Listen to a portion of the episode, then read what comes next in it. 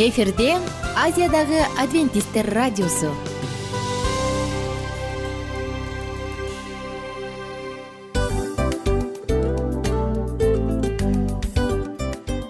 Достор салют. Баардык сүйүктүү угармандарыбызга салам айтабыз. Кутман күнүңүздөр менен. Ден соолук өмүрдүн булагы демекчи саламат саамы программасында баарыңыздарды көргөнүбүзгө абдан кубанычтабыз. Анда алгач амандашып өтөлү арбаңыздар деп. Ден соолугуңуздар кандай элибизде көбүнчө ден соолук кандай дегенде эле жакшы деп жооп беребиз э? ооруп турсак дагы жакшы дейбиз. Анан мен муну айтып ойлойт элем бул абдан сонун сөз депчи анткени бул жакшы деген үмүт да э ооба. баары жакшы болот. Баары сонун. Деп үмүттөнүп атып эле өзүбүздү өзүбүз дарылап коебуз.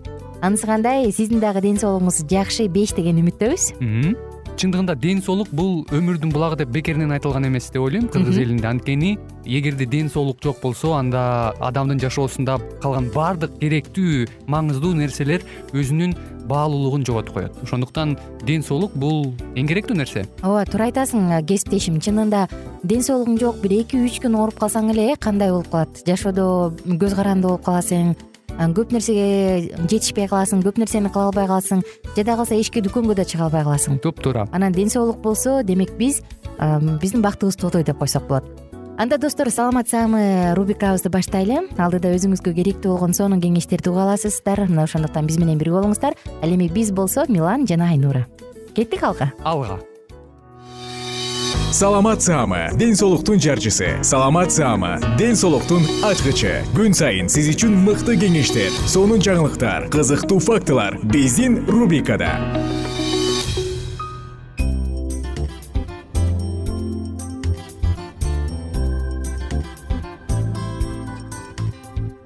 Кутман күн достор. Жалпы биздин сүйүктүү угармандарыбызга ысык салам айтабыз дагы кайрадан. Саламат саама рубрикасындабыз. Жана бүгүнкү тема остеопороз деп аталат. Остеопороз. Баарыбызга белгилүү болгондой муун оорулары учурда жыл сайын тилекке каршы жашарып бара жаткан чагы адам канча жашта болбосун?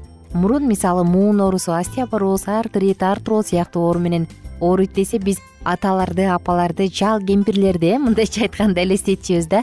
Анан ии бутум ай колум ай бутум муздап атат тизем алып келип ороп берчи деп отуруп калган апаларды көп эле көргөм мен деле бирок азыркы күндө жапжаш болуп бирок шым кийсем бутум ооруйт юбка кийсем бутум ооруйт деп туруп анан узунураак шым кийип кийип ушундай бир өзүң карап калган апа эжекелерибизди ал эми сиңдилерибизди көрүп дагы таң каласың жүрөгүң коркот.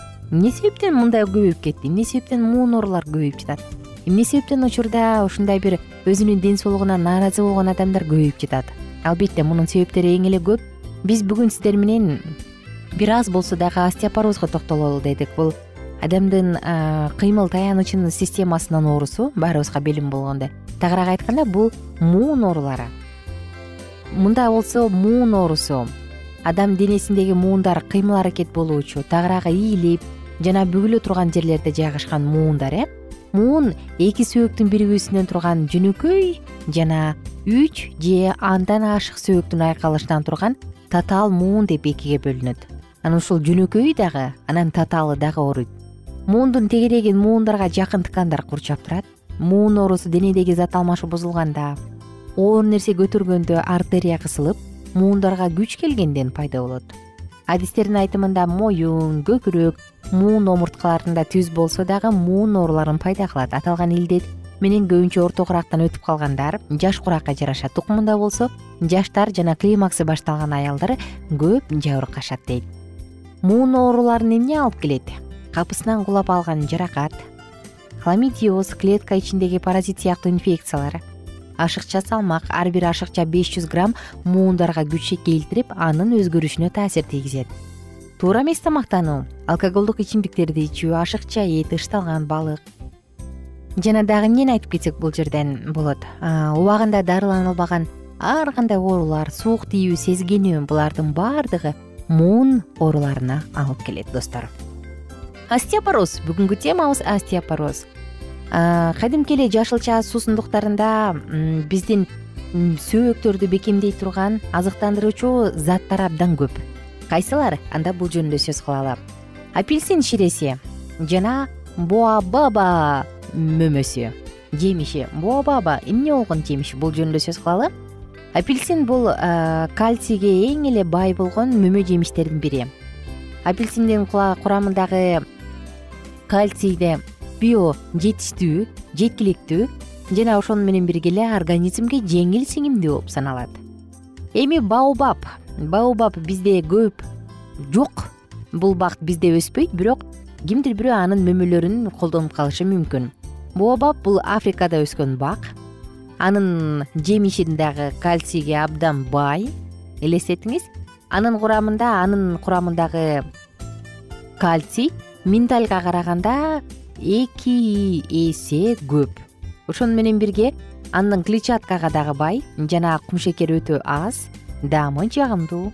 Ошону менен бирге ал темирдин магний жана калийдин мыкты булагы болуп саналат. Апельсин дагы буабаб сыяктуу эле эң күчтүү антиоксидант бир эле стакан апельсин ширесинин курамында беш жүз спр оптималдуу бир күндүк нормадан көп болгон кальций жана антиоксидант бар. Демек булардын баардыгы тең. Сөөктөрдү минерализация кылат жана ошону менен бирге остеопороздун пайда болушун алдын алат. Апельсин жана буабабанын жемиши экөө тең кальцийге абдан бай алар суюктукта же сокто бири бирине айкалышат дагы сөөктөрдү жакшы бекемдейт. Ал эми апельсин менен миндальды айта турган болсок эгерде буабаб жок боло турган болсо анда жөн гана миндаль пастасын алмаштырып алсаңыз болот. Аны кадимки эле кол кол менен аралаштырган венчик менен жакшылап аралаштырып алыңыз дагы болду жей бериңиз. Эми бир биз бир миф айта кетсек уйдун сүтүндө э, кальций көп дейт дагы анан уйдун сүтүн балдарга берет эмеспи ооба достор уйдун сүтүндө чын эле кальций көп абдан өтө эле көп өлчөмдө адам баласына керектүү болгондон өтө эле көп өлчөмдө бар. Йогурт сыр э баардык эле сүт азыктарында. Бирок ошо кальцийдин баардыгы тең канчалык деңгээлде сиңимдүү мына кеп ушунда. Ошондуктан уйдун сүтүндө кальций көп бирок ал сиңимдүү эмес. Ошондуктан сүттү көп ичип бирок ошол эле учурда кальций жетишпей остеопороз артриз артроз менен ооруган адамдар дагы жок эмес.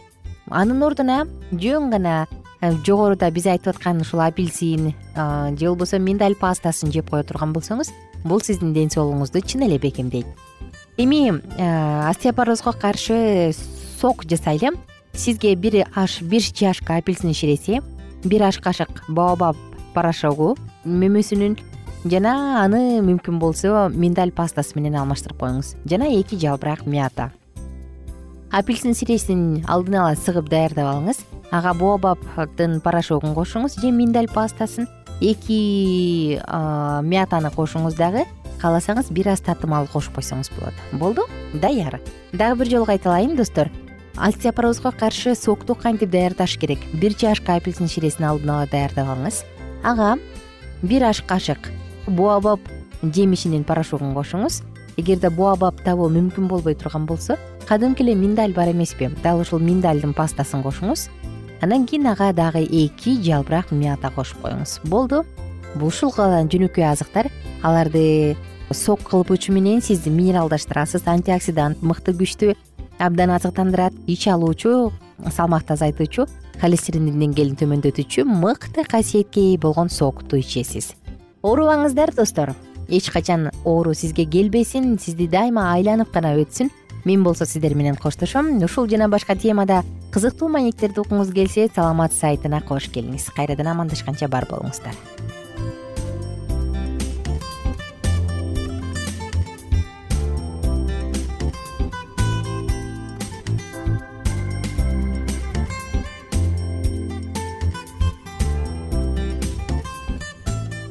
Кененирээк маалыматтар үчүн үч w чекит саламат чекит клуб сайтына келип таанышыңыздар жана андан тышкары социалдык тармактарда youtube facebook жана instagram баракчаларына катталыңыз.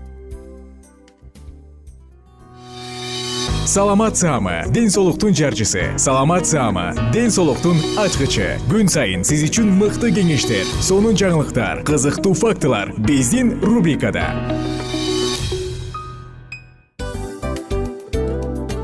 Салам достор. Кайрадан биздин сүйүктүү рубрикабызга кош келиңиздер деп айтмакчыбыз баардык замандаштарыбызга арбаңыздар деп саламыбызды айтабыз. Улуу ушундай бир э, урматтаган учурашуу менен анан дил маек радио баракчабызга чакырабыз. Негизи дил маек биздин рубрикабызда эмне жөнүндө кеп кылабыз бул дил маектин мааниси эмнеде рубрикабыз менен кичине тааныштырып кетсеңиз. Сөзсүз түрдө тааныштыра кетейин. Кесиптешим суранычы боюнча бул учурда бул радио баракчада биз ар тарап кесип ээлеринен сонун кеңештерди алабыз сүйлөшөбүз сырдашабыз аталарыбыздын эжелерибиздин апаларыбыздын кеңештерин угабыз. Айтор жан дүйнөгө адамдын э, сапатына адамдын деги эле адам болуп жашашына керектүү баардык кеңештер алдыда. Негизи э, дил маек дегенде баягы эки адамдын ортосундагы сырдашуу кенен сүйлөшүү. Негизи эле биз адамдар бири бирибиз менен бир жерге жай жерге отуруп алып өзүнчө тынч э, жашоо жөнүндө өмүрүбүздө эмне болуп атканын бөлүшкөнү жакшы көрөбүз э адамдар. Ооба туура айтасың анан мындай учурга кээде убакыт да жетпей келет э? Же болбосо сырыңды кайгыңды муңуңду кубанычыңды айткың келет а адамга ишенбешиң мүмкүн. Ооба. А бул радио баракча угармандарыбыздын чыныгы досу. Анткени бизден алган кеңеш сиздин жашооңузга чоң жардам берет. Ал эми сиздин бизге айта турган сөзүңүз ортодо гана сыр бойдон калат. Ошондуктан биздин дил маек рубрикабызга дагы бир жолу кош келиңиздер. Жана биз даярдаган маалыматтарга даяр болуңуздар. Айнура жана милан сиздер менен бирге алдыга кеттик ар түрдүү ардактуу кесип ээлеринен алтын сөздөр жүрөк ачышкан сыр чачышкан сонун маек. Дил маек рубрикасында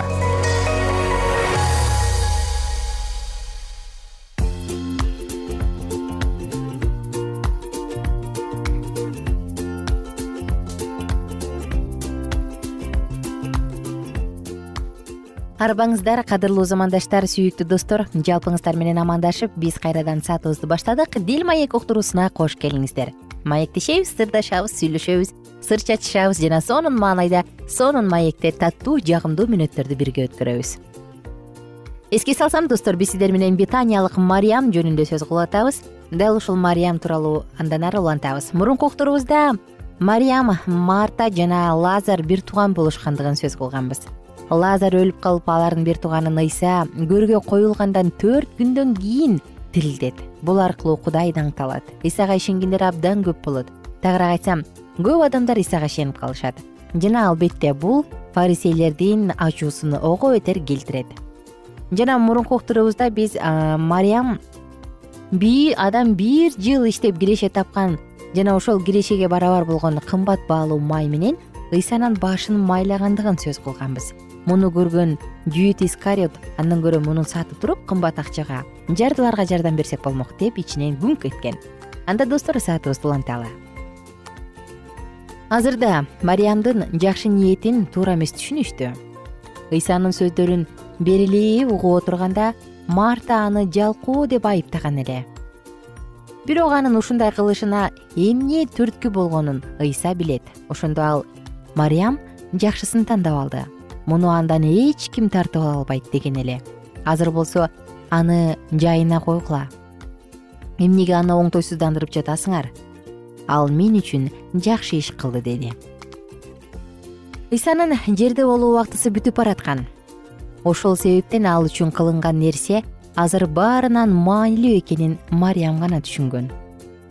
Ыйса аны коргоп эле тим болбостон бул аял колунан келгенин кылды деп мактады ыйса менен мамилелешүү аны рухий жактан байытып жаңы жашоо үчүн тирилткен ал кудайдын сырларын көрө билген кайсы учурда эмне кылышы керек экендигин так билген аял болду. Устаттын сөздөрү мариямдын мүнөзүн эле ачып бербестен кудайдын мариямга кылган мамилесин көрсөтөт. Ким үчүн кудайдын сөзү маанилүү болсо ким ошол сөзгө ылайык жашаса ошол адам кудай тарабынан мактоого арзыйт мындай адамга айланадагылардын сын пикиринен корунуп башкалар соттой баштаганда жашыруунун кереги жок. Анын эң мыкты коргоочусу бар ал ыйса. Кылган иши үчүн ал мариямды жемиреген жок. Тескерисинче бул учурда ыйсага убакыт өтсө да талкаланбай турган эстелик тургузду. Силерге чындыкты айтып коеюн бул жакшы кабар дүйнөнүн кайсы гана жеринде таратылбасын бул аял эске алынып анын кылганы жөнүндө айтылат. Нарттан жасалган жыпар жыттуу майдын жыты кылымдан кылымга калып бүт дүйнөгө тарады. Миңдеген миллиондогон адамдар мариямды макташкан. Ал баардыгыбыз үчүн үлгү болуп калды. Анткени теңир үчүн колунан келгенинин баарын кылды. Мариям эң жакшысын тандап алган акылдуу аял мына достор дал ушул сонун сөз менен эң жакшысын тандап алган акылдуу аял деген сөз менен биз саатыбызды жыйынтыктайбыз. Бул уктуруубузду жыйынтыктайбыз. Чындыгында адамдын жашоосунда сөзсүз түрдө тандоо бар э? Же аны же муну танда. Кыл же кылба. Сүйлө же сүйлөбө деп анысы кандай мариям дагы чындыгында акылдуулугун акылмандуулугун көргөзүп эң жакшысын тандап алган аялдардан болгон достор анда биз сиздер менен саатыбызды э, бул мүнөттөрдү жыйынтыктап жатып кийинки темабызды дагы баштай кетели. Анткени биздин карамабызда дагы убакыттар бар. Кийинки тема ыйса менен маектешкен самариялык аял деп аталат. Бүгүнкү күндө нидерландыда бир гана насаат сөз али да болсо адамдарга таасир эте алат. Бул кудай жанында экендигин сезгендердин күбөлөндүрүүсү ян де харток ыйса менен маектешкен самариялык аял. Ыйса самария аймагы аркылуу өтүүгө тийиш эле. Ошондуктан ал самариянын шикеми шаарына келди. Жакан жазган жакшы кабар төртүнчү бап төртүнчү жыйырма алтынчы аяттар. Ошол шаардагы самариялыктардын көпчүлүгү күбөлөндүргөн аялдын сөзү аркылуу ыйсага ишенип калышты. Жакан төрт отуз тогуз кырк экинчи аяттар самариялык аял суу ала турган идишин ийнине көңүлсүз койду. Ал чак түштөгү мээ кайнаткан ысыкта шекемди көздөй кеткен чаң өңгүл дөңгүл жол менен сууга баргысы келген жок. Бирок антпесе аргасы да жок. Суу алып келип бере турган күң жалдап алганга кудурети жетпейт анткени өтө жарды. Кыштактагы аялдар кудукка кечкисин күн салкындап калганда барышат. Бул алар менен да бара албайт. Анткени ал эл арасында жаманатты болгон аял. Ал аял затына тиешелүү момундугу менен аруулугун күнөөгө алмашып жиберген. Бул үчүн ага азап тартууга туура келди. Мындай нерсе бөтөнчө кичинекей кыштакта жазасыз калтырылбайт. Ал четке кагылган аял. Аны баары сөөмөйү менен көрсөтүшөт жек көрүшөт. Башкалардын сүйүүсү менен достугунан кол жууп жапжалгыз калган. Кудуктун жанында отурган адамды ал алыстан эле көрдү. Жолоочунун чарчаган түрү бар. Аял жакындап келип аны кылчайып карады да жүйүт экенин билди. Ал бул жакка эмне үчүн келди экен? Анткени жүйүттөр анын элин самариялыктарды жек көрүшөт эмеспи. Алар самариялыктардан жугуштуу оорудан бери качышат эгерде жүйүт жеринен галилеяга баруу керек болсо самария аркылуу өткөн түз жолдон өтпөй бир топ аралыкты басып башка жак менен айланып өтүшөт. Кызык э достор? Кызыктай бир душмандык бар. Самариялыктар жана жүйүттөр. Самариялык аял элден чыгып калган жек көрүндү болуп калган. Анткени анын ошондой кылыгы бар эле. Эми достор ал жөнүндө биз кийинки уктурууда эмнени билебиз маанилүүбү кызыкпы анда биз менен бирге болуңуздар. Жалпыңыздар менен кийинки уктурууга чейин деп коштошобуз жана күнүңүздөр көңүлдүү улансын биз менен бирге болуңуздар. Бүгүнкү күнүңүз сизге өзгөчө бир таттуу маанайды тартууласын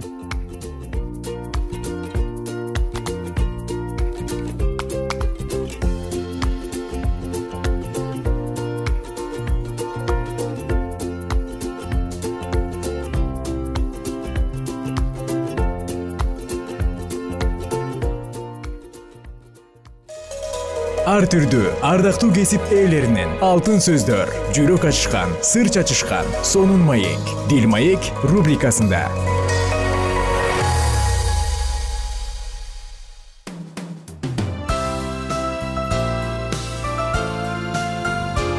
Эфирде азиядагы адвентисттер радиосу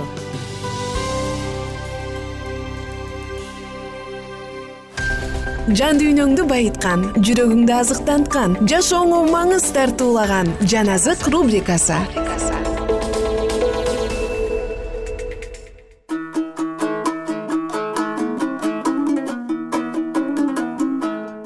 Кадырлуу замандаштар сүйүктүү угармандар жалпыңыздар менен дагы бир аруу таң аруу күн аруу убакта үн алышканыма абдан кубанычтамын бүгүнкү күндө дагы сиздер үчүн сонун жаңылыктар сонун маалыматтар көп болсо экен деген тилегим бар.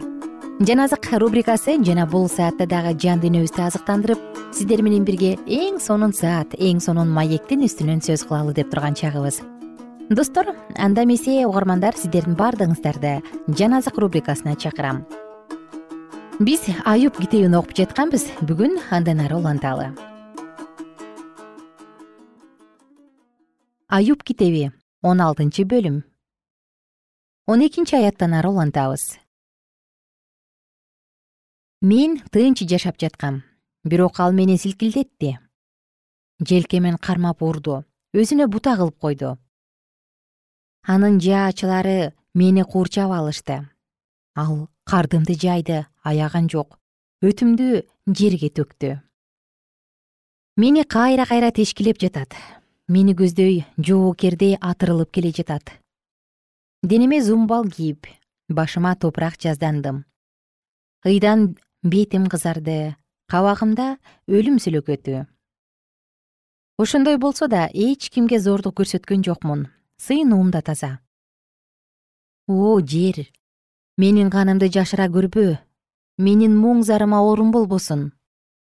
Азыр менин күбөм асманда менин коргоочум жогоруда. Көп сүйлөгөн досторум көз жашым кудайга төгүлүп жатат. О адам баласы өз жакыны менен талашып тартышкандай кудай менен талашып тартыша алса гана. Анткени менин көрөр күнүм бүттү. Келбес сапарыма кеткени турам. Аюп китеби он жетинчи бөлүм. Алдан тайдым өмүрүмдүн шамы өчүп баратат. Көр оозунда турам. Алардын шылдыңы болбогондо талаш тартышта солк этпей тура берет элем. Мага болуш мен үчүн өзүңдүн алдыңда өзүң кепилдикке өт. Болбосо ким мага кепил болот.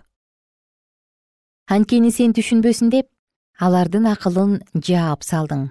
Ошондуктан алардын жеңишке жетишине жол бербейсиң досторун душманга олжо кылган адамдын балдарынын көзү агып калат.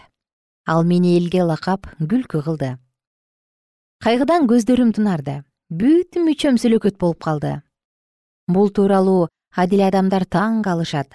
Айыпсыз адам эки жүздүү адамга кыжырданат. Бирок адил адам өз жолун бек кармайт. Колу таза адам барган сайын күч алат. Баарыңар чогулуп келип сүйлөсөңөр да араңардан акылманды таппайм менин өмүрүм өттү. Жүрөгүмдүн энчиси болгон ойлорум кыйрады. Алар болсо түндү күнгө айланткысы жарыкты караңгыда жакындаткысы келет. Канчалык күтсөм да менин үйүм өлгөндөр жаткан жай. Мен төшөгүмдү караңгы жерге төшөйм. Көрүмө сен менин атамсың дейм куртка менин энемсиң да эжемсиң дейм. Ушундан кийин мен эмнеден үмүттөнөм?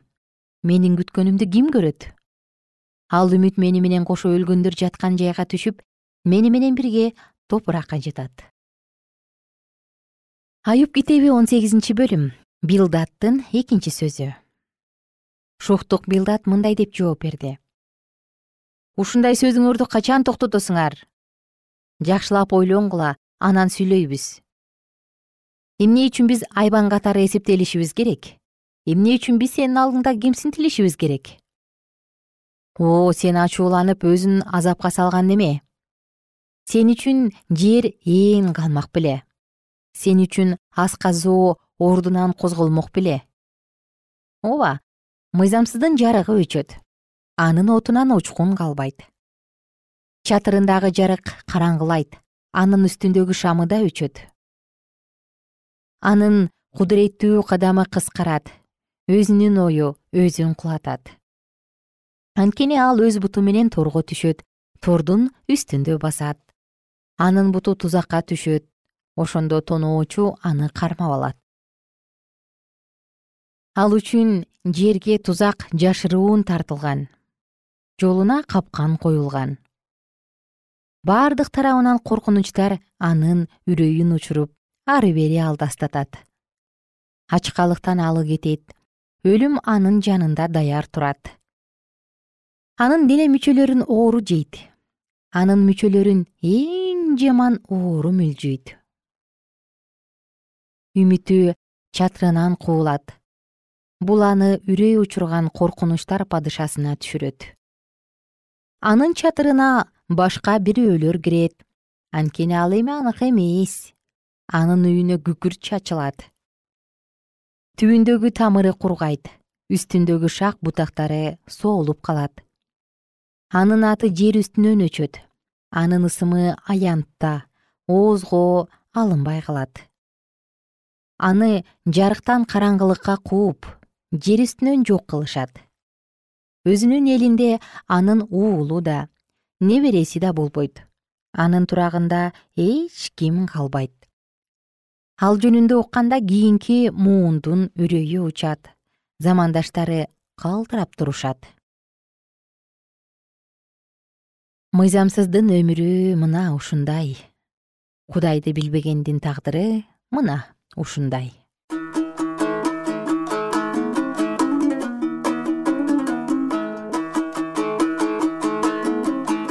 Достор бүгүн сиздер менен бирге биз аюп китебинин он сегизинчи бөлүмүн окуп бүттүк мында аюптун досу билдат кайрылуу жасап жатат. Караңыздарчы карап туруп аюптун башына келген сыноого досторунун кандай реакция кылганын көрөбүз.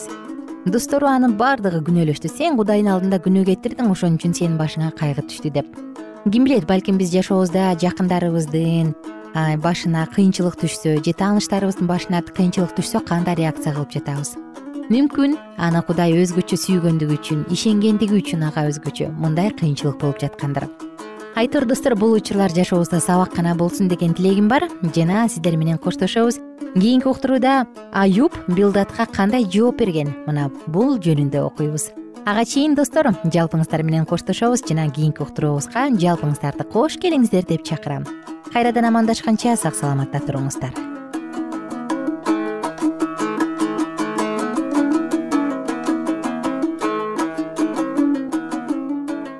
эгер сиздерде суроолор болсо же көбүрөөк маалымат билем десеңиз анда биздин whatsapp номерибизге жазыңыз. Плюс бир үч жүз бир жети жүз алтымыш алтымыш жетимиш. Кайрадан плюс бир үч жүз бир жети жүз алтымыш алтымыш жетимиш